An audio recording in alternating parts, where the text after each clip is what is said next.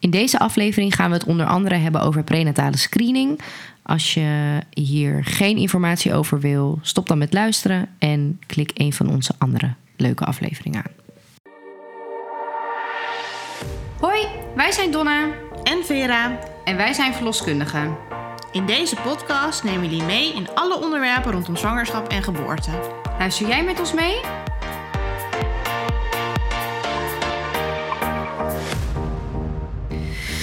Ja, hallo, welkom allemaal We weer. zijn er weer met een nieuwe aflevering. Donna en Vera, we zijn weer met z'n twee. Ja, gezellig. En ehm, nou, hoe gaat ie? Voel je oké? Het, la- het is laat, hè? Ja, op de een of andere manier eh, spreken wij altijd s'avonds af. Maar dat moet ook wel met ons drukke leven. Het is nu tien uur s'avonds. Ik zit in mijn pyjama. Ja, eigenlijk wilde Donna dat ik ook mijn pyjama aan ging doen. Maar ik dacht, nee, ik hou het netjes. Ja, voor alle kijkers. Oh nee, die hebben we niet. Maar hebben jullie een beetje een indruk eh, hoe we erbij zitten? Ja, Ehm, laten we beginnen met het moekenmoment. Het moekenmoment. Donna, heb jij een moekenmoment van deze week? nou, ik moest gisteren naar het consultatiebureau. Oh, gezellig, gezellig. Hoe was het? Nou ja, weet je wat het is? Je hoort altijd iedereen toch over het consultatiebureau. Ja, het consultatiebureau. Ja, iedereen, ieder- iedereen vindt het vreselijk. maar ik ben natuurlijk net verhuisd. En ik vond het consultatiebureau waar ik zat in Amsterdam echt pri- dikke prima. Ehm, alleen de laatste keer dat ik daar was, vond ik het al niet leuk. Want toen was James 16 maanden. En toen zeiden ze zo... eh, ja, hoeveel flesjes krijgt hij nog? En toen dacht ik... Nou ja, ik geef nog borstvoeding. Ja, Had je in mijn dossier kunnen zien. Maar Ja. goed, dat vond ik al stom. En toen zei ze ook dat ik met de borstvoeding moest stoppen. Want Ja, dat had je verteld. had toch allemaal geen zin meer. ja. Dus sindsdien ben ik dus niet meer fan van het consultatiebureau. Nee. Want daarvoor vond ik het echt hartstikke goed. En Ja. leuk. En nou, ik vond het eigenlijk wel gewoon een leuk uitje.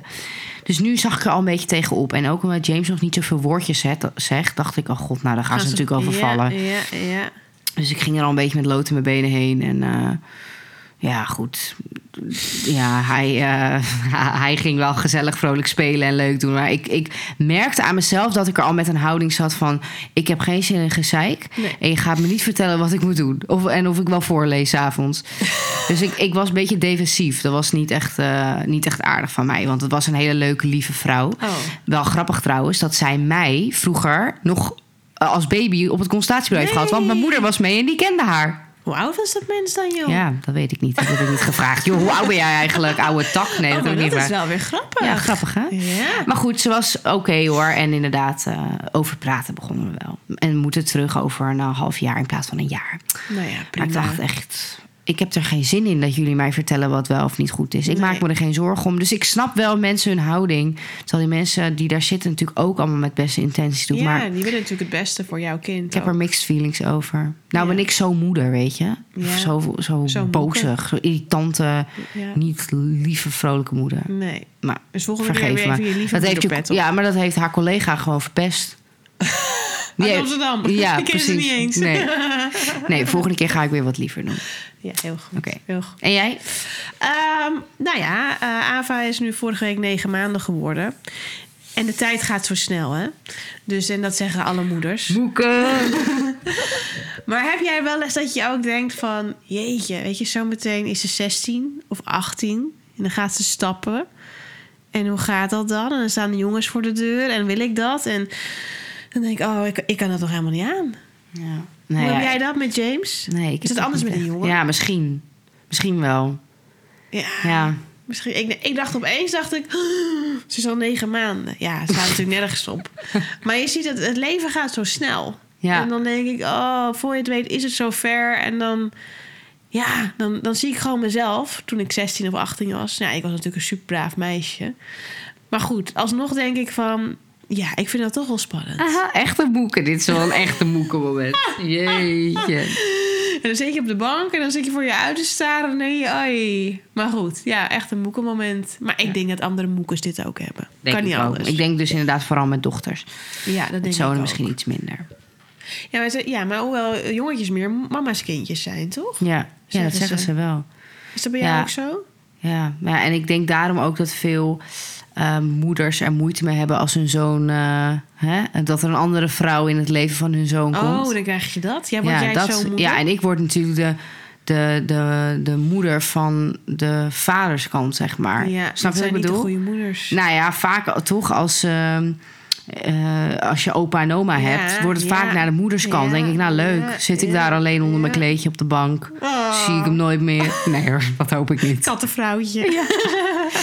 Ja. Ja. nou, Nou, we gaan door we gaan door. met de serieuze dingen. Precies. Deze aflevering hebben we eigenlijk een wat serieuzer onderwerp gekozen. Ja. Ja, want die moeten er ook zijn. Wat meer informatievoorziening. Ja, Eh wat is namelijk zo? Op een gegeven moment, nou, je bent zwanger. Je meldt je aan bij je verloskundige. En je krijgt heel veel informatie om te lezen. Ja. Ehm, en in deze aflevering willen we eigenlijk vooral met jullie behandelen... eh, uit welke onderzoeken je allemaal kunt kiezen in de zwangerschap. Eh, en door het beluisteren van deze aflevering... hopen jullie dan ook beter te kunnen helpen... zodat je misschien minder de folders hoeft te lezen. Ja, dus we, we gaan het inderdaad dan hebben over het stukje prenatale testen die je kan doen. En Ja. dan echt met name op afwijkingen. Maar we gaan ook wat vertellen over gewoon ja, van aanmelding tot einde zwangerschap. Welke onderzoeken we allemaal adviseren om te doen. Precies. Ja. Ja, Dus we beginnen inderdaad met: ehm, ik eh, ben zwanger en ik bel jou, de assistente. Ehm, oh, nou, ik, ben, ik ben gedegradeerd tot eh, assistent. nou, bij deze even. En eh, nou ja, en dan? En dan? Wat, wat, wat, zou je me, wat ga je voor me inplannen? Ja, nou ja, eh, als het goed is plant de assistente, dus ik dus, een, eh, een intakegesprek met je in. Ehm, en er wordt iets verteld over de eerste echo's die er plaatsvinden. Ehm, de echo die door de zorgverzekeraar wordt vergoed is je 10 weken echo. De 10 weken echo is een echo waarbij het termijn wordt vastgesteld. Dus hoe ver je zwanger bent. Eh, bij deze echo wordt de baby opgemeten van kop tot stuitlengte. Ja, Ja. krui- kruin tot stuit officieel. Ja, nee, ik kijk even de echoscopisten aan in, eh, in opleiding. Maar ik denk, ik check het even. Het was even lang stil. Kruinstuitlengte. Kruinstuitlengte. Ehm, en op basis daarvan wordt er een uitgerekende, uitgerekende datum bepaald. Dus dat is eigenlijk de echo die de meeste mensen standaard krijgen. Alleen je kan ook al voor een vroegere echo kiezen. Nou ja, je kan ervoor kiezen of je kan er een indicatie voor hebben. Dat is inderdaad waar. Ja, er zijn een aantal indicaties waarbij we adviseren om ook een vitaliteitsecho te doen, zoals dat heet. Die we meestal rond, eh, nou, laat zeggen, zeven, Vanaf zeven weken. zeven weken plannen. Ja, Ehm, en een reden hiervoor zou kunnen zijn dat je bijvoorbeeld eerder miskraam hebt gehad, buitenbaarmoedelijke zwangerschap, of dat je bloedverlies hebt. precies. Buikpijn kan ook nog een reden zijn. Ja, omdat je dan wil lokaliseren of de zwangerschap op de goede plek zit. Ja, want dat is eigenlijk het doel, doel van die vitaliteitsecho is... zit de zwangerschap in de baarmoeder en is het één baby. Precies. Ja, Ja. ja. En Alleen niet iedereen heeft hier dus een indicatie voor. Nee. dan kan je hier vaak wel dus ook voor kiezen. Precies. Alleen je zorgverzekeraar zegt dan... hé, hey, je hebt geen indicatie, dus we gaan dat niet betalen. Het betekent dus dat je dat zelf moet betalen. Ja, en ik denk dat de prijzen hiervoor per praktijk verschillen. Maar dat zou je natuurlijk bij de praktijk waar je zit eh, kunnen vragen. En het kan ook zijn dat misschien de praktijk waar je zit niet zelf de echo maakt, maar dat er een eh, losse echopraktijk is waar je deze echo zou kunnen krijgen. Ja. Ja, precies. En ook wel goed om te weten is dat alle echo's voor 10 weken vaginaal worden gemaakt. Ja, dus niet via de buik, maar een inwendige echo. Dus er zijn ook dames die zeggen: Ik wil geen inwendige echo. Ja, dan kan je het beste kiezen voor een echo vanaf 10 Ja. weken. Ja, het is nog zo klein en eh, vaginaal kan je dat gewoon beter zien. Precies. Ja, ja. Dus daar beginnen we dan mee, inderdaad. En dan krijg je ergens een intakegesprek. En ehm, nou, vaak rond het intakegesprek gaan we dus ook de prenatale screening met je bespreken. Wat ik altijd aan de ene kant best wel ja, stom vind, omdat iemand net zwanger is en het is positief en leuk. En je gaat eigenlijk vrijwel meteen over ellende praten. Ja, ja dat, dat, heb je helemaal gelijk in. Maar ik denk dat het ook weer een realistisch beeld geeft van dat er ook, dat er ook dingen kunnen gebeuren in de zwangerschap die niet goed Ja. gaan. En wij zijn als verloskundigen verplicht om ook die dingen te vertellen en ook aan te geven welke keuzes de vrouwen hebben. Ja. Nou, het eerste onderzoek wat we bespreken is de NIPT, ook wel de niet-invasieve prenatale test. Niet invasief betekent dus Dat er geen risico's aan nee, zitten. niet schadelijk om Nee, te doen. Dat is heel goed om even daar even bij te Ja. vertellen. Ehm, nou, ik denk dat het handig is om jullie gewoon te vertellen hoe zo'n NIP-test in zijn werk gaat. En dat we elkaar daarin aanvullen. Ja, Eh, de NIP-test is allereerst een bloedtest. Dus dat betekent dat het een bloedafname betreft. Dat vanaf bij de 11 moeder. Bij de moeder. Zeg ik ook altijd bij. Wat vanaf Tien weken. tien weken zwanger. Ja, god, Vera moet even...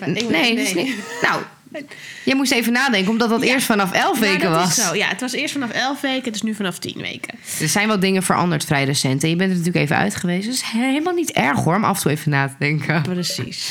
Dus vanaf tien weken kan die worden uitgevoerd. En er wordt bloed, twee buisjes bloed afgenomen bij de moeder. Precies. Ja. En in het bloed kunnen we eigenlijk kijken naar de DNA van de placenta van de baby. En daardoor weet je dus ook, ehm, heb je meer informatie over de baby. Ja, Zo moet je want het het zien. DNA van de placenta is bijna identiek aan DNA van de baby. Klopt. Het is niet precies identiek, maar bijna identiek. Ja, wat dus ook maakt dat de niptest niet 100% zekerheid geeft. Precies. Ja. Nou, naar welke eh, syndromen worden gekeken bij de NIP-test? Er wordt gekeken naar het Down-syndroom. Er wordt gekeken naar het Edwards-syndroom en gekeken naar het Patau-syndroom. Ja, Dat zijn eigenlijk drie syndromen waarbij we weten dat een eh, kindje een extra chromosoom heeft. Ja. Kan jij iets vertellen over de chromosomen? over de chromosomen aan zich? Of Wat chromosomen zijn?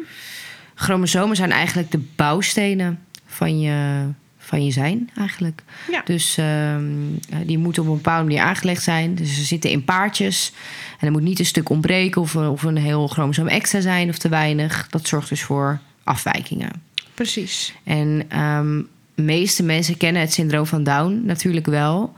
Ja, en die andere twee niet. Klopt, die heb ik Nee. niet benoemd wat dat precies is. Nee, dat is en dat, en dat Ja. komt natuurlijk omdat syndroom van Down... dat zijn mensen die je ook in de supermarkt tegenkomt. Of je hebt natuurlijk ontzettend veel televisieprogramma's met eh, mensen met Down. Maar dat zijn vaak wel de mensen Zeg die ook de, eh, Ja, de goede versie Down, van ja. Down hebben. Dat klinkt een beetje gek, maar je hebt ook hè, bij, bij het syndroom van Down kan je namelijk ook allerlei andere afwijkingen nog hebben. Denk aan bijvoorbeeld 1 op de 4, bijvoorbeeld ook een hartafwijking. Hè? Dus je hebt vaak dat er nog meer medische dingen aan de hand zijn. Ja, en niet elke Down... eh, ja, niet elke Down, niet, niet elk iemand met syndroom van Down... moet ik het wel netjes zeggen... die eh, is ook in staat om bijvoorbeeld eh, zelfstandig te wonen... Ja. of een baantje te hebben, dan wel met begeleiding... of te leren praten. Je hebt ook mensen met syndroom van Down... die mentaal echt heel erg geretardeerd zijn, zoals we dat noemen. Ehm, dus ja, het is wel gevaarlijk met die televisieprogramma's. Denken mensen vaak, oh schattig of grappig. En oh ja, weet je, kijk nou, ze kunnen gewoon werken en naar school. En Ja. ja, dat zijn natuurlijk wel mm, de, de mensen met syndroom van Down. ehm, Ik zeg eigenlijk vaak, het zijn echt zorgenkinderen. ja. Zo moet je het eigenlijk zien. Het zijn kinderen die hun leven lang extra zorg nodig hebben. Ja. ja, en Edward en Patau, dat zijn dus syndromen of, ja, ja, die we dus niet zien. Omdat die ehm, Overlijden of in ja, de kinderen vaak al. wel overlijden. Of ja. na het eerste levensjaar, na Ja. de geboorte. Ehm, ja, dus deze mensen zien we niet. Omdat die eh, ja, geen overlevingskans Nee. hebben. Dus dat zijn ook echt ernstige aandoeningen waarbij er een chromosoom te veel is. En we noemen ze ook wel trisomie 13, 18 en 21. En trisomie staat dus voor dat er drie chromosomen zijn in plaats van twee Ja, op een bepaald paar. precies. Dus bij is- 13 is het drie chromosomen op paar 13. Ja. Bij 18 op paar 18, 21 op paar 21. ja, dus iets is eigenlijk misgegaan in die celdeling... waardoor er te drie zijn geworden. Ja, Ja, en dat kun je dus met dat NIPT-onderzoek... kan je dat zien. Want er worden eigenlijk gewoon letterlijk de chromosomen geteld. ja. En dan kunnen we dat bekijken. Ja, zoals we het bij deze basistest NIPT even houden, dan wordt er dus naar deze drie syndromen gekeken. Ehm, en je kan eigenlijk twee, nou ja, eigenlijk kan je drie mogelijke uitslagen hebben. Er kan uitkomen dat de test goed is en dan is er geen aanwijzing gevonden voor een van deze drie syndromen. Mm, Die uitslag is eh 99% betrouwbaar en zeker. Dus de kans dat het dan alsnog zo is dat je kindje dit heeft, is heel erg klein. precies. Mag je van uitgaan dat je kind dat niet heeft. De andere mogelijke uitslag is dat de test afwijkend is. Ehm, de, uit, de kans dat je deze uitslag krijgt is overigens natuurlijk niet groot, maar dat kan wel altijd. En eh, dan kom je in aanmerking voor een vervolgonderzoek. En ehm, we zullen zo wat meer vertellen over het vervolgonderzoek. Maar daaruit blijkt dus dat 90% van de mensen die een afwijkende uitslag krijgen voor syndroom van Down, inderdaad een kind met syndroom van Down hebben. 90% blijkt inderdaad ook een kind met Edward te hebben. En 50% blijkt een kind met Patau te hebben. Procenten zijn natuurlijk altijd een beetje lastig. Ja. Dus vaak schetsen we dan ook een beeld van... laat staan, jij hebt bijvoorbeeld 10 mensen op een schoolplein staan. Als dan dus bij 90% het daadwerkelijk zo is... is dat dus bij 9 mensen van de 10 is dat zo. Ja, dus je staat met tien vrouwen op een plein die Ja. allemaal een afwijkende NIPT-uitslag hebben Ja, voor het syndroom van Down. Nou, negen van de tien hebben inderdaad een kind met syndroom van Down. en bij die andere is dat dus 5 van de Vijf. 10. Ja. Ja. ja, dus, dus de kans dat het goed is, is nog best wel groot. Ja, ja, ja. En dat heeft er eigenlijk mee te maken, wat we net ook al eerder zeiden, is omdat je kijkt naar het DNA van de placenta van de baby. Want soms zie je dus namelijk dat alleen de afwijking in de placenta zit en niet bij de baby zelf. Ja, en hier kom je dus alleen achter door een vervolgonderzoek te doen. Precies. En dat is, ehm, eh, dat, dat is een vruchtwaterpunctie of een vlokkentest. Dat heet ook wel prenatale diagnostiek. Ja, en dat zijn dus invasieve testen. Dus testen waar ook een risico aan vastzit Ja, eh, op een miskraam. Precies. Weet jij de exacte percentages? Ja, volgens mij van een vruchtwaterpunctie is die 1 op de 300. En van een vlokkentest is die 1 op de 200. Dat heeft er vaak mee te maken dat een vlokkentest eerder in de zwangerschap gedaan kan worden. En soms dan lastig achterhaald kan worden of je op basis van de vlokkentest dan een miskraam zou krijgen. Ja. Of dat je een miskraam krijgt omdat je ook nog vroeger in de zwangerschap zit. En mogelijk een afwijking hebt. Heeft dat er nog iets mee te maken of niet? Mm, dat durf ik zo 1, Nee. 2, 3 niet te zeggen. Maar ik weet wel, die vlokkentest is vroeger. Ja. En vroeger hè, heb je natuurlijk ook eerder nog meer kans op Ja. een miskraam. En daarom is die kans ietsje hoger. Ja, je komt dus alleen voor deze testen in aanmerking als je een afwijkende NIPT hebt. Soms dan in dit verhaal raak ik mensen soms een beetje kwijt hierop. Denken ze, oh, maar dat wil ik niet. Nee, dat, die, Klopt. je hoeft dat sowieso nooit te doen. Hè? Ook midden in dit traject kan je zeggen, maar die test wil ik niet. Nee, je kan altijd zeggen om te stoppen. Ja, deze test bieden we dus niet, niet gewoon standaard aan. Je Nee. eerste optie is altijd een NIPT-test. Precies. Ja. En als die afwijkend is, dan krijg je de keuze voor een van deze twee testen. En dan word je ook altijd verwezen naar een gynaecoloog toe. Ja. Eh, in een ziekenhuis die dan uitgebreid met jullie gaat bespreken van... wat zijn de voor's en tegens? Waarom zou je wel of niet voor een test kiezen? En wat natuurlijk dus ook de risico's Ja. zijn. We zullen nog heel even terugkomen op de vlokkentest en vruchtwaterpunctie... die we nu benoemd hebben. Eh, dit zijn dus eigenlijk beide onderzoeken... waar eh, nog meer materiaal van de baby wordt verzameld. De vlokkentest kan al wat vroeger in de zwangerschap. Dat kan tussen de 11 en 14 weken. En daarbij zie je dat je na twee weken de uitslag krijgt. De vruchtwaterpunctie is ietsje later in de zwangerschap. Dat is tussen de 15 en 16 weken. En de uitslag daarvan duurt ongeveer drie weken. Ja, je ziet wel vaak in de praktijk dat mensen na iets eerder al wel een, een uitslag hebben. Maar dat is dan volgens mij nog niet de definitieve uitslag. Nee, dat is een soort van sneltest, Ja. uitslag. En de definitieve Ja. heb je dan echt eh, na drie weken. Ja. Ehm, en dan zie je dus wel dat je al gewoon wat verder in die zwangerschap komt. Dan ga je al bijna richting de helft van de zwangerschap. Ja, ja en, en als hier natuurlijk uitkomt dat je kindje een van deze drie syndromen heeft, dan ehm, mag je er in Nederland tot 24 weken voor kiezen om een zwangerschap af te breken. Ja, dat klopt. Dat hoeft natuurlijk niet. Je hoeft ook niet ehm, dat als eh, motivatie te hebben om deze test te doen. nee. Je kan het namelijk ook doen omdat je het gewoon wilt weten. Ja, je wil voorbereiden dat je een kindje krijgt met een syndroom. Ja, Precies. Ja, precies. Eh, maar dat is eh, een optie die je dan Ja. hebt. Ja. En een andere mogelijke. Wil jij hier nog wat over zeggen? Nou, ik dacht, we hebben nu eigenlijk de NIP-test besproken. Gewoon eigenlijk een soort van de basis NIP-test Oh ja, met wil- daarbij het vervolg. Daar, ik wilde nog één ding toevoegen. Want ik zei, je hebt drie mogelijke uitslagen. Oh. En we hebben de afwijkende benoemd, de niet afwijkende. En de laatste mogelijke uitslag die je kan krijgen... is dat de test mislukt is. Precies, dat is nog een goeie. Ja, en eh, we zien dat wat vaker bij vrouwen die wat zwaarder zijn... die wat overgewicht hebben. BMI boven de 35? Eh, Ja, omdat Boven er de dan... 30 al. Ja, 30 volgens mij. BMI boven de 30 al. Ja. Ja, klopt. En dat komt omdat er dan wat eh, ja, minder circulerend materiaal... eh, ja, Feutaal ja, DNA. Ja, fe- feutaal materiaal, dat is het. te verkrijgen is. Ja. Ehm, je mag de test dan altijd nog een keer doen. Ehm, maar goed, dat is natuurlijk wel vervelend. Want je wacht op een uitslag en Ja. dan weet je uiteindelijk nog niks. Nee, maar dat is weet natuurlijk dat wel die echt kan naar. mislukken. Ja, En dat betekent niet altijd dat er ook een afwijking is. Maar het kan dan mislukken vanwege dat je BMI. Maar het kan ook mislukken, dat heb ik laatst een keertje gehoord... dat gewoon het materiaal, eh, weet je, als een buisje bloed valt... ik noem maar wat, op het lab... of iets onderweg gaat er verkeerd van het lab naar het laboratorium... toe dat het onderzoekt, Ja. daar kan natuurlijk ook een fout liggen. ja precies. Dus het, het blijft mensenwerk. Blijft mensenwerk. Ja. ja. En inderdaad, jij wilde doorgaan over... eh, we hebben nu de basisnip Ja, besproken, maar de we hebben... basisnipt met daarin het verder vervolg wat je kan, eh, voor, waar je kan voor kiezen als er iets afwijkends uitkomt. Maar je hebt ook de nipt met nevenbevindingen. En ik merk dat in de praktijk die nevenbevindingen blijft iets lastigs. Want als Ja. ik mensen vraag van weet je al iets over de niptest? Dan zeggen ze ja, ik weet het en ik wil de niptest doen. En dan vraag ik wil je de met of de zonder nevenbevindingen? En dan altijd Dan wordt het stil. eh, ja. wat, wat is dat? ja. Uh, nevenbevindingen blijft ook iets lastigs. Ehm, en ik probeer het altijd zo makkelijk mogelijk uit te leggen. We hebben het natuurlijk net gehad over die chromosomen. En dat bij de kindjes met die syndromen... dat die dus een extra chromosoom hebben van nummer 13, 18 en 21. Nou heeft jouw kindje natuurlijk meer chromosomen dan die 13, 18 en 21. Kies je voor die nevenbevindingen... worden eigenlijk alle chromosomen van de baby bekeken. Dus ook nummer 1, nummer 2 en zo verder. Alleen het lastige is dat er niet een soort van kant-en-klaar lijstje is van als met nummer 1 iets aan de hand is, dan heeft mijn kind dit. Of met nummer 2, dan heeft mijn kind dat. We weten dat wel van die nummer 13, 18 en 21.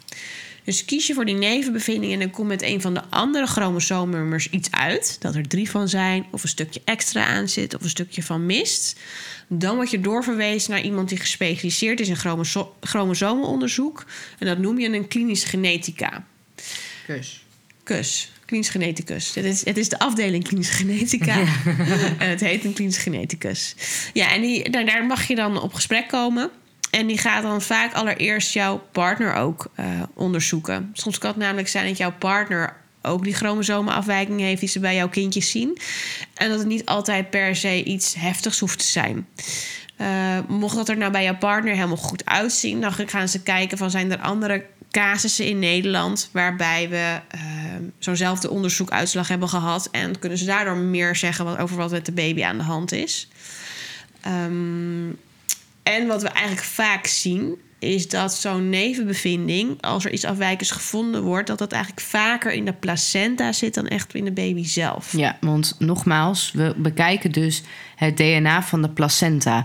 Wat dus bijna identiek is aan het DNA van de baby, maar niet altijd. Dus het kan zijn dat de placenta in theorie een chromosoomafwijking heeft, maar de baby niet. Precies. Ehm, Nou krijg ik nog wel heel vaak de vraag van ja, maar wat, wat moet ik me bij een nevenbevinding voorstellen? Wat zou mijn kind dan kunnen hebben?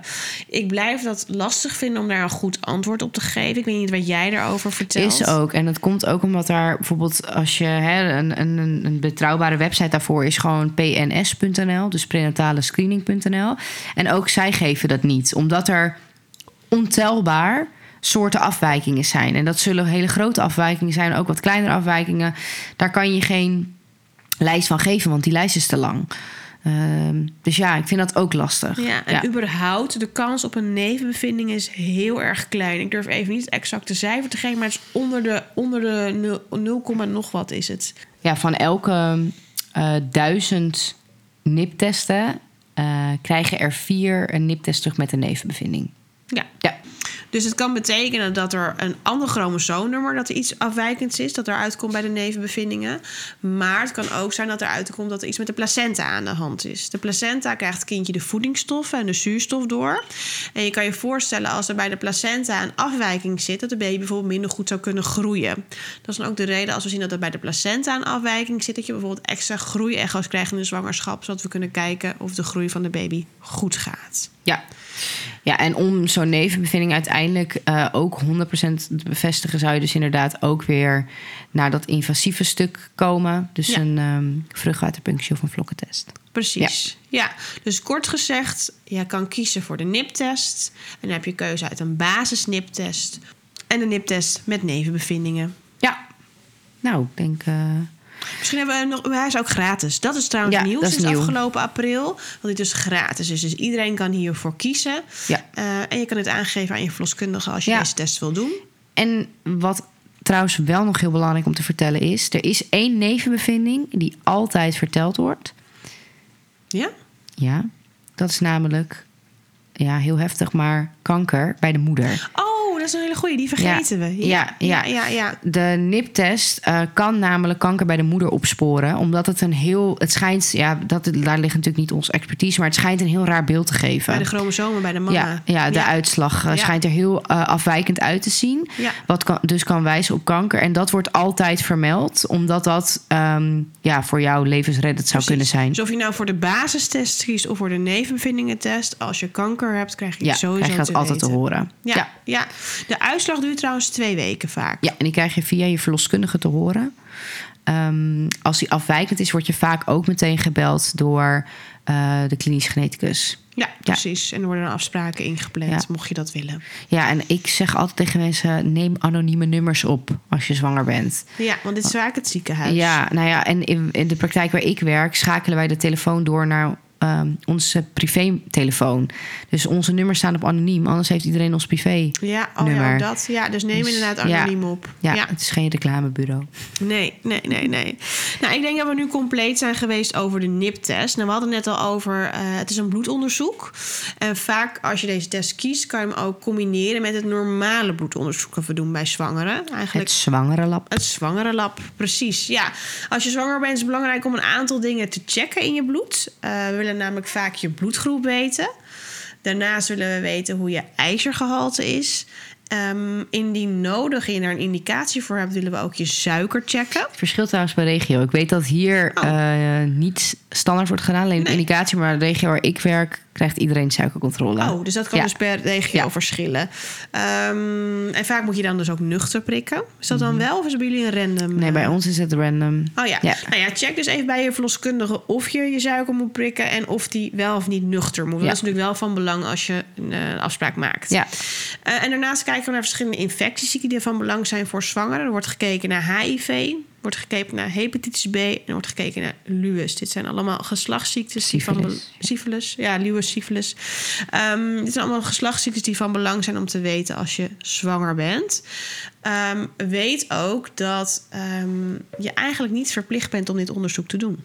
Nee, maar waar ben je wel toe verplicht? Eigenlijk tot niks. Nee. Maar dat is wel goed om ook bij dit weer te vertellen. Het is eigenlijk iets wat standaard gebeurt. Maar als verloskundige moeten wij toestemming vragen of jij dit wil laten doen. Nou ja. En je doet het natuurlijk uiteindelijk ook zelf dan. Ja. Ja. Ja. ja. dus vaak combineren we die twee eh, bloedonderzoeken. Dan hoef je maar één keer te prikken. Het zijn wel veel buisjes. Ja, het Daar horen we mensen wel vaak over. Maar goed, als Ja. je bloed doneert, dan mag je ook 500 milliliter eh, Ja, geven. daarom. En zoveel Je kan het niet. missen. Je kan het missen. Precies. Nou, dan heb je je allereerste onderzoeken gehad. En dan is je eerstvolgende onderzoek is weer een echo. En die is eigenlijk Als nieuw. je die wil. Als je die, sorry. Als je die wil. En die hebben we nu denk ik sinds een jaar. Nee, nee, nee. Nee, nee. Want ik heb hem al gedaan in mijn zwangerschap. En ik, dat was in september 21. Dus noem maar twee jaar. alweer. Ja. Ja. het voelt alsof we hem net hebben. Dat is namelijk de 13 weken echo. De 13 weken echo, ehm, dat is eigenlijk een medische echo... waarbij het kindje van top tot teen bekeken wordt op lichamelijke afwijkingen. En bij eh, mensen die zeggen van... joh, die 13 weken echo ken ik helemaal niet... die bijvoorbeeld langer geleden een kindje hebben gekregen... daar vergelijk ik het vaak mee met de 20 weken echo. Eigenlijk is het met net hetzelfde echo als bij 20 weken. Dat is ook een medische echo... Alleen hebben we nu tegenwoordig die 13 weken echt gewoon in het leven geroepen. Omdat we denken dat we sommige afwijkingen al vroeger in de zwangerschap kunnen zien. Ja, dus het is eigenlijk dezelfde echo. Alleen moet je bedenken dat natuurlijk bij 20 weken de baby veel groter is. Dus we meer op detail kijken. Mhm. En bij 13 weken gewoon eh, meer de grote afwijkingen. Denk aan een open rug, Of een open schedel. open schedel. ehm, ja, een groei die misschien ontzettend achterloopt. Of een, een afwijkende vorm van het hoofd. Ja, als je, ja, het klinkt misschien luguber, maar armen en benen die niet, niet zijn aangelegd. Echt, echt de grote afwijkingen. grote afwijkingen, Ja. precies. Ja, Ja. ja. op dit moment is die echo in onderzoeksvorm. Dat houdt in, eh, de echo is gratis en wordt vergoed. Maar we willen natuurlijk kijken van, is de echo rendabel om te doen? Halen we daadwerkelijk meer afwijkingen eruit bij dit termijn of niet? Ja. Ehm, dus als je voor de echo kiest, dan doe je dus ook direct daaraan mee en zou je daar ook voor moeten tekenen, Ja, zodat ze je jouw kan- gegevens kunnen gebruiken. Je kan dus niet meedoen zonder het onderzoek. Mensen zeggen wel eens van, oh ik wil hem wel, maar ik wil niet meedoen aan het onderzoek. Dat kan niet. Nee, dat kan niet. Nee. nee. Nee, dus je moet daar toestemming voor eh, tekenen. Jij krijgt daar, ja, ik zeg dat je merkt daar zelf niet zoveel van. Behalve dat ze heel graag gegevens verzamelen, maar je wordt niet benaderd. eh, Het zijn eigenlijk gewoon data Ja. in een soort van computer wat verzameld wordt. ja, en de 13 weken echo kan plaatsvinden tussen de 12 eh, plus 3, 12 weken plus 3 dagen en 14 weken plus 3 dagen. Daartussen moet die zijn. Dus hij heet de 13 weken echo, maar je kan ook 12,5 zijn of 14,5. Dus allebei prima. Ja. En ehm, stel nou dat de baby er niet helemaal goed voor ligt en sommige dingen kunnen niet bekeken worden. We proberen het altijd via je buik. Lukt dat niet, kunnen we vaginaal nog kijken. Maar soms werken, werkt de baby gewoon niet mee. En dan eh, de, de dingen die we missen, ehm, gaan we dan gewoon bij de 20 weken echt weer bekijken. Dus je komt niet terug. Nee. Dus stel iets lukt niet om in beeld te brengen, is het niet van, nou kom over een weekje nog even terug, kijken we er nog een keer naar. Dat gebeurt Ja, dus niet. Dit is anders bij de 20 Ja. weken echo. Dan zou je dit gaan we net zo lang door totdat we iets in beeld krijgen. Precies. Ja. Ja. ja. En een goede om te vermelden dat het geslacht wordt niet vermeld bij de 13 weken echo. Nee. Vaak kunnen we het wel zien, maar we mogen er niks over zeggen, omdat dit niet het doel is van de echo. Dat is wettelijk zo vastgesteld. Dus dat is niet dat wij dat zelf verzonnen hebben. Dat is wettelijk zo vastgesteld. En dat is eigenlijk om de reden dat de echo niet bedoeld is om dus het geslacht te weten. En op basis daarvan ook een zwangerschap af te kunnen breken. Ja. Dus eigenlijk is gewoon een ethische kwestie. Ja, ja. Ja, ik doe nu natuurlijk die echo-opleiding en ik zit bij veel 13 weken echo's, maar bijna iedereen vraagt ernaar. Ja, ik snap het ook dat mensen vragen. Maar ja, daarom proberen we nu zo goed mogelijk jullie uit te leggen dat we het dus echt niet kunnen zeggen. Nee, maar het voelt wel soms als een dilemma zelf, ook als je aan het echo bent. Want je denkt soms, ja, ik zie het, ik- het is een kleine moeite, maar het mag gewoon niet. Nee. Het mag echt niet. Dus het is niet om je te pesten. Nee, nee, nee. En eh, Donna had net al iets verteld over termijn waar het in plaatsvindt. Dat is ook de reden dat in principe een geslachtsecho gemaakt wordt vanaf 15 weken. Omdat Ja. je dan dus eigenlijk buiten het termijn valt van de 13 weken echo. Dus Ja. wil je het geslacht heel graag weten en kan je niet wachten tot de 20 weken echo, kan je in principe bij een echocentrum of bij jouw praktijk een eh, geslachtsecho aanvragen. Ja. En stel dat er wat uitkomt uit die 13 weken echo, dan word je ook verwezen naar de gynaecoloog. Dat is nog goed om te vertellen. Die gaat Ja. daar ook nog een keer naar kijken. Dus of, om te bevestigen wat de, de eerste echoscopist heeft gezien. En ehm, ja, dan, dan, gaat, dan ga je verder eigenlijk de medische molen in. En er worden ook weer opties gegeven om bijvoorbeeld...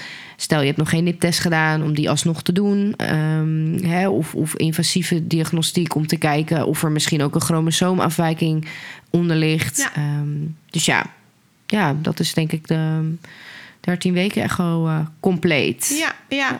Nou, en dan nou, de eerstvolgende echo waar je voor kan kiezen is dan de 20 weken echo. Nou, daar hebben we eigenlijk al het een en ander nu over Ja. verteld. Het is een soort van herhaling van die 13 weken echo. Alleen wordt dus meer in detail nog naar afwijkingen gekeken. Het kan dus ook zijn dat de 13 weken echo goed, als goed is afgegeven. En dat er toch bij de 20 weken echo een afwijking gezien wordt. Ja, zeker. En ehm, de medische echo's zijn dus inderdaad 13 en 20 weken echo. Soms heb ik wel eens mensen op het spreken die zeggen... en eh, mijn geslachtsecho? Ja, dat is dus geen medische echo. Nee. Als je die wil, is dat puur voor de, voor de leuk. En mag en je, hem zelf betalen. inderdaad inplannen en betalen. Maar dat, daar komen wij niet mee. Want dat is voor ons niet medisch eh, relevant om te weten... of je een jongen of een meisje eh, in je buik hebt. Nee, precies. Nee. Nou, en bij die 20 weken echo geldt ook hetzelfde. Die 13 weken echo wordt daar een afwijking op gezien. Dan word je doorverwezen door naar een gynaecoloog die nogmaals gaat kijken. En mocht het eh, dermate een afwijking zijn dat jij er zo voor zou kiezen om eventueel de zwangerschap te beëindigen, kan dat dus tot 24 weken. Ja, daarom ehm, de 20 weken echo kan ook iets eerder. Hè? Dus eh 18,5 Tussen de, tussen de en- 18 en 22 weken Ja. kan die plaatsvinden. We doen hem eigenlijk bij voorkeur iets voor de 20 weken, zodat we meer tijd hebben om daarna nog. eh, Ja, eigenlijk in de te zetten. 19e week zou optimaal zijn. En je kan vaak al vrij snel terecht. Als je wordt doorgestuurd naar de gynaecoloog omdat er iets gezien is, kan je vaak al vrij snel terecht daar. Dus dat vind ik altijd wel heel prettig. Dat mensen niet nog eh, dagenlang hoeven af te wachten in spanning te zitten. Nee, precies. Want je zit natuurlijk ook al dicht op die 24 weken. Als je toch een heftige beslissing moet nemen, daar, daar wil je gewoon de tijd voor Ja, hebben. ja, precies. Ja, Nee, en dan stopt het in principe met Ja. de echo's. ja, en dat vinden veel mensen toch wel gek. ja, Van joh, waren dit mijn echo's? ja. Maar dit zijn inderdaad alle, alle echo's die er in principe staan. Nou kan het natuurlijk wel zijn dat je eventueel eh, extra echo's nodig hebt qua groei of iets. Ja. Maar dat is per persoon ge, ge, hoe zou ik het nou zeggen? Worden toegekend per Ja. persoon als dat Ja. nodig is. Ja, daar moet, Geïndiceerd. ja, dus daar moet je een indicatie voor hebben. Ja. En ehm, hier is ook veel onderzoek naar gedaan om. Oh, nou, voorzichtig hoor. Ehm, om, om te kijken of het zinvol is om bij iedere zwangere standaard groeiecho's aan te bieden. En dat blijkt niet zinvol te zijn. Nee. Eh, dus daarom doen we het ook niet. Ehm, dus eh, eh, we snappen wel hoor dat veel vrouwen denken: Nou, ik vind het een gek idee. Maar weet dat, het, dat we er niet dingen mee eh, per se mee missen. En dat we op indicatie wel een extra groeiecho inzetten. Tuurlijk. En Ja. natuurlijk kan het altijd zo zijn dat we iets missen. Nou, ook dat blijft natuurlijk mensenwerk. Maar ehm, nou ja, we weten in ieder geval dat het niet zinvol is om het standaard te doen. Nou, daarnaast kan het zijn dat je nog een indicatie voor extra bloedonderzoek in de zwangerschap. Hierbij kan je denken bij, aan een suikertest. Meestal wordt dat vanaf 24 weken zwangerschap gedaan om te kijken naar eventueel zwangerschapsdiabetes. Ehm, daarnaast kan het zijn dat vanaf 27 weken dat er eventueel bloed bij je geprikt wordt vanwege je bloedgroep. Heb je namelijk een negatieve bloedgroep, dan willen we ook extra bloed prikken om te kijken wat de bloedgroep van de baby is. Ehm, wat wel standaard bij iedereen is, is rond 30 weken dat je ijzergehalte nog een keer geprikt wordt. En dit heeft ermee te maken dat we willen dat je ijzergehalte niet te laag is voor de bevalling. Ehm, is die namelijk wat lager, dan kunnen we eventueel ijstabletten uitschrijven. Of je krijgt even- eventueel een infuus met ijzer. Blijft die alsnog laag, kan dat zelfs ook een indicatie zijn om in het ziekenhuis te bevallen en niet om thuis te bevallen. Dus vandaar dat het goed is om te weten rond 30 weken hoe je ijzergehalte is. Ja, dus dat is in principe je laatste bloedonderzoek. En dan, eh, als je meer richting die uitgerekende periode kijkt, eh, vragen mensen nog wel eens: wordt er nog een inwendig onderzoek ergens gedaan? In principe doen we dat eigenlijk niet voor 40 weken. Nee. En zelfs vaak niet voor 41 weken. Ehm, eh, dit heeft ook eigenlijk geen zin, weet uit Nee, onderzoek. Het heeft om, geen eh, meerwaarde. Want nee. wat als jij 1 of 2, 1 of 2 centimeter hebt? Zolang je geen weeën hebt, Ja. doen we niks. Nee, dus vaak doen we dat pas echt als je over tijd bent. En dan ook vaak als doel om eventueel te strippen en om de bevalling een setje te geven. En dan als je over tijd bent, komt er ook op enig moment, als je wat verder overloopt, een controle in het ziekenhuis.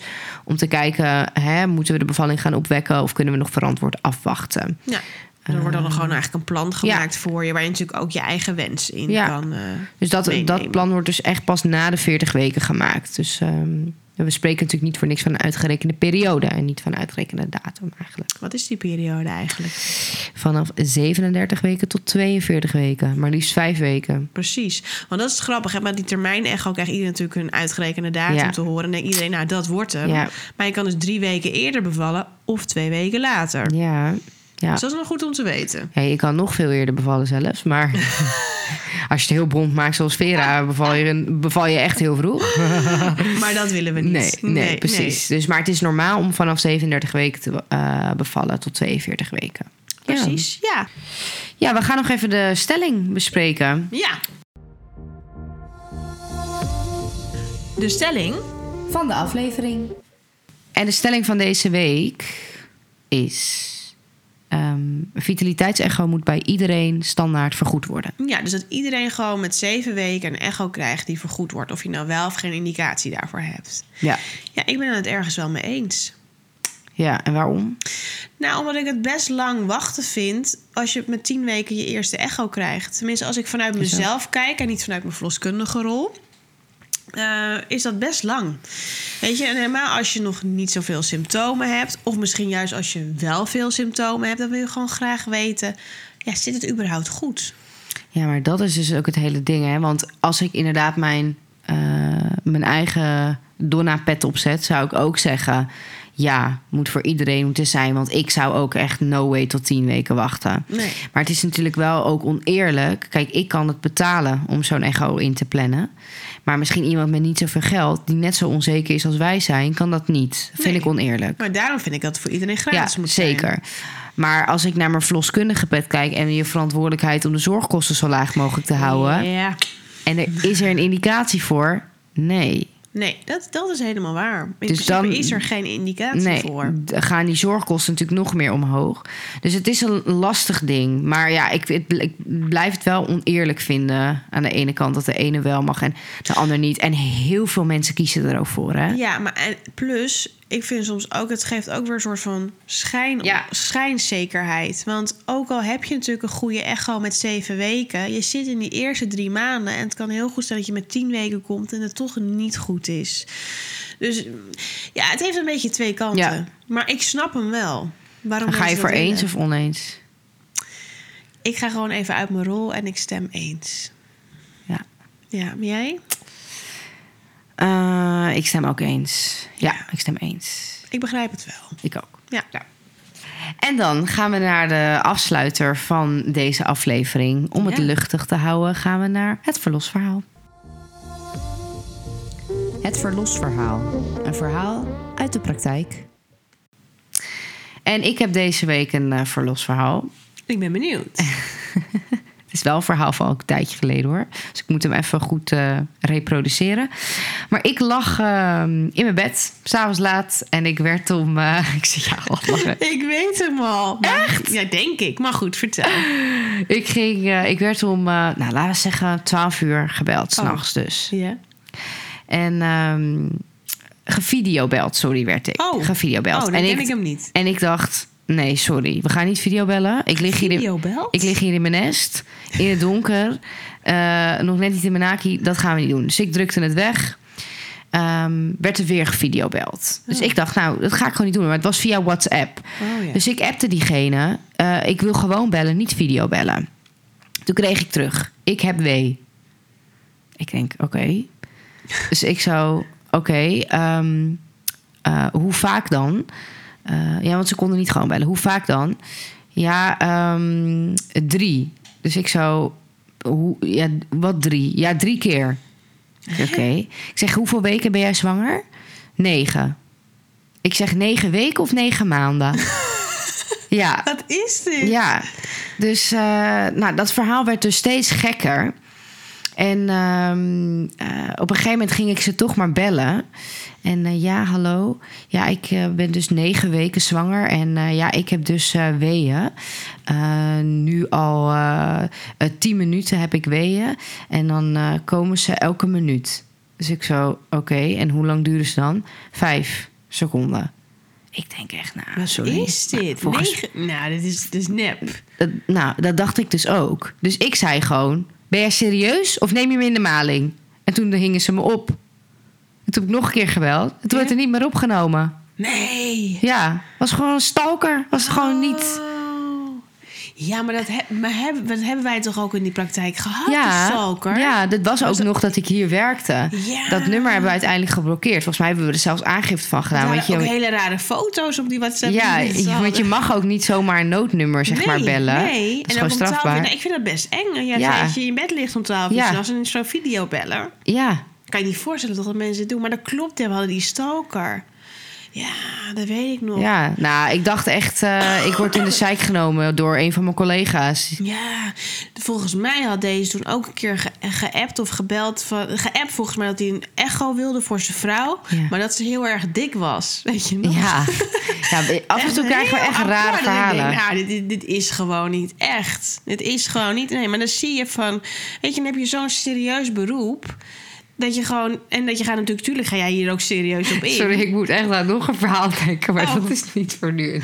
Oh, nee, maar, dan, maar, nee, maar weet jij ook dat je ligt te slapen of je ligt Ja. een beetje gaat heel serieus erop in, want jij Ja. denkt, ja, dit is het noodnummer. Ja, dan- en, voor hetzelfde geld. dingen gezegd. Ja, precies. Maar voor hetzelfde kan iemand ook niet goed Nederland Nee, of zo. Of je wil precies, iemand ook niet, ook. Ja, niet meteen afschilderen als, als eh, iemand die, die een lulverhaal vertelt. Maar ik dacht echt, nou. Nee, ja, ik haakte echt af bij negen weken zwanger en, eh En weeën. en weeën al tien minuten lang. Ja, Ja, ik dacht eerst aan een miskraam of zo. Maar dat dacht ik dus ook. Maar ze zei echt, ik ben aan het bevallen. Ja, wat raar. Nou ja, nou. Nou, die hebben, een die hebben een lolletje weer gehad. ik niet. Ik, Nee. ik lag daarna chasend in mijn bed. Ja, ja Maar precies. goed. Ehm, Oké, dat was hem weer. Dat was hem weer. Nou, heel erg bedankt voor het luisteren. We hopen dat jullie ook wat hebben gehad aan al deze ja, dat informatie. het informatief was. Misschien ook goed om, eh, als je het gesprek met je verloskundige hebt gehad, om gewoon eh, nog eens te luisteren voor eh, wat, nog een keer de informatie. Als je even in de Ja. auto zit of zo. Ja, ik denk gewoon- dat dit misschien toch een beetje het beter tot je kan nemen dan dat je heel veel moet lezen. ja, en je kan het even op pauze zetten en weer terugluisteren. En dan noemen natuurlijk die website, hè? Ja, pns.nl. pns.nl, waar je er ook natuurlijk heel veel informatie kan lezen over Ja. alle testen. Ja. ja, en het is goed, dat wil ik ook nog wel meegeven. Het is op zich echt wel goed om het met andere mensen ook over te hebben. En te vragen wat, hun, wat zij hebben gedaan. Eh, wij krijgen die vraag ook regelmatig. Maar je moet hier echt je eigen keuze maken. Precies. Eh, dus niet, oh, Pietje heeft dat gedaan, dus ik doe dat ook. Nee. Nee, want dit gaat om En eh, misschien wat jou. we nog niet benoemd hebben, je kan natuurlijk ook kiezen om niet te testen. Hè? Ja. Dus we hebben nu natuurlijk alle info gegeven Tuurlijk. van wel. Maar je Ja. kan ook zeggen, joh, weet je, ik wil niet testen. Dat mag Ja. ook, weet je. In alle onderzoeken heb je zelf een keuze of je het wel of niet wil doen. Ja, ja. Dus onthoud Ja, dat ook Zeker een goed. hele goede... eh want ging je inderdaad nu echt heel erg in op... eh, Als je wel test, Als je wel- maar je wel kan ook zeker kiezen om niet ja, te testen. zeker. Ja. ja. Bedankt voor het luisteren en ehm, Tot de volgende keer. tot de volgende. Doei.